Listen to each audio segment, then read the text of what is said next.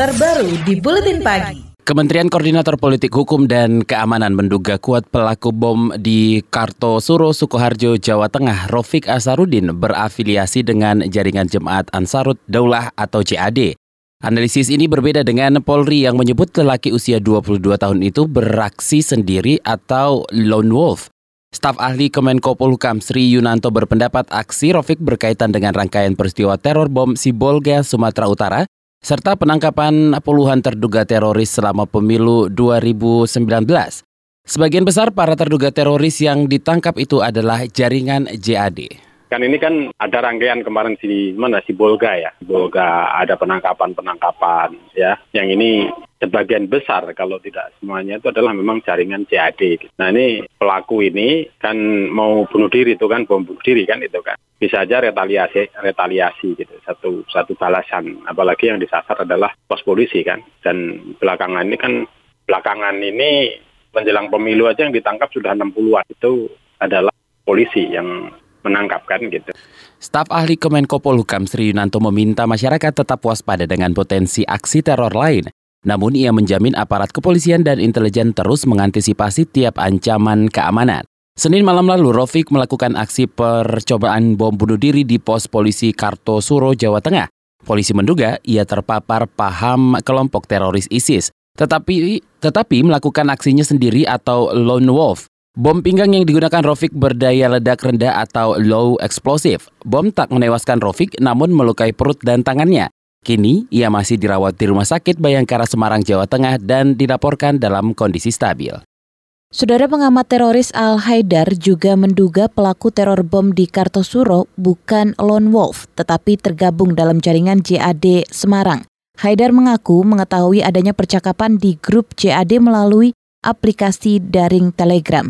Kata dia, dalam percakapan itu sudah dikonfirmasi bahwa Rofik Asharudin merupakan bagian dari JAD Semarang. Kalau kami sudah memastikan, kalau polisi katanya belum, ya antara memastikan jaringan atau tidak berjaringan.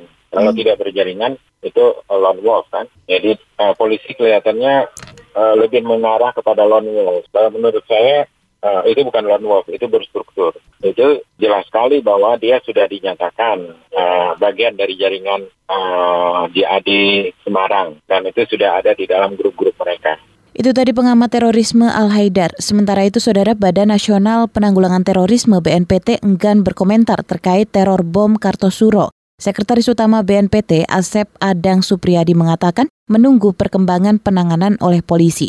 Selanjutnya, lembaganya bakal berkoordinasi guna mendalami soal jaringan teroris serta kemungkinan adanya korban manusia ataupun material.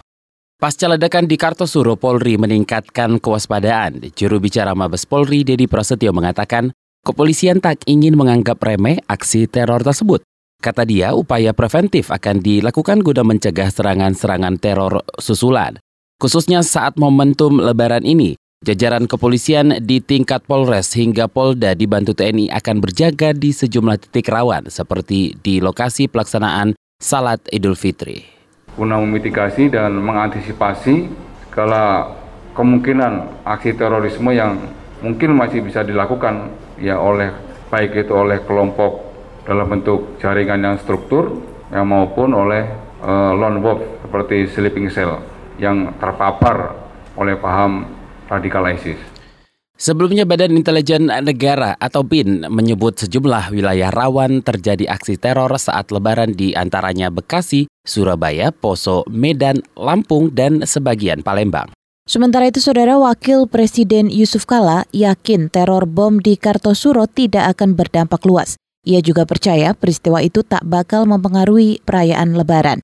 Kata dia, pemerintah berkomitmen memberantas segala bentuk teror dan menjamin keamanan masyarakat. Semua yang berbentuk teror tentu pasti pemerintah akan memberantasnya. Karena polisi yang di depan, maka polisi lah yang selalu menjadi juga tempat untuk mereka mengambil balasan. Gitu. Masyarakat sudah terbiasa dengan hal-hal yang sulit. Masyarakat tetap itu uh, memahami itu dan saya yakin masyarakat tidak terpengaruh. Wapres Yusuf Kala menambahkan aparat keamanan akan disiagakan untuk menjaga tempat-tempat ibadah yang ramai. JK percaya polisi telah memiliki strategi untuk mengantisipasi ancaman keamanan tiap hari besar keagamaan. KBR, inspiratif, terpercaya.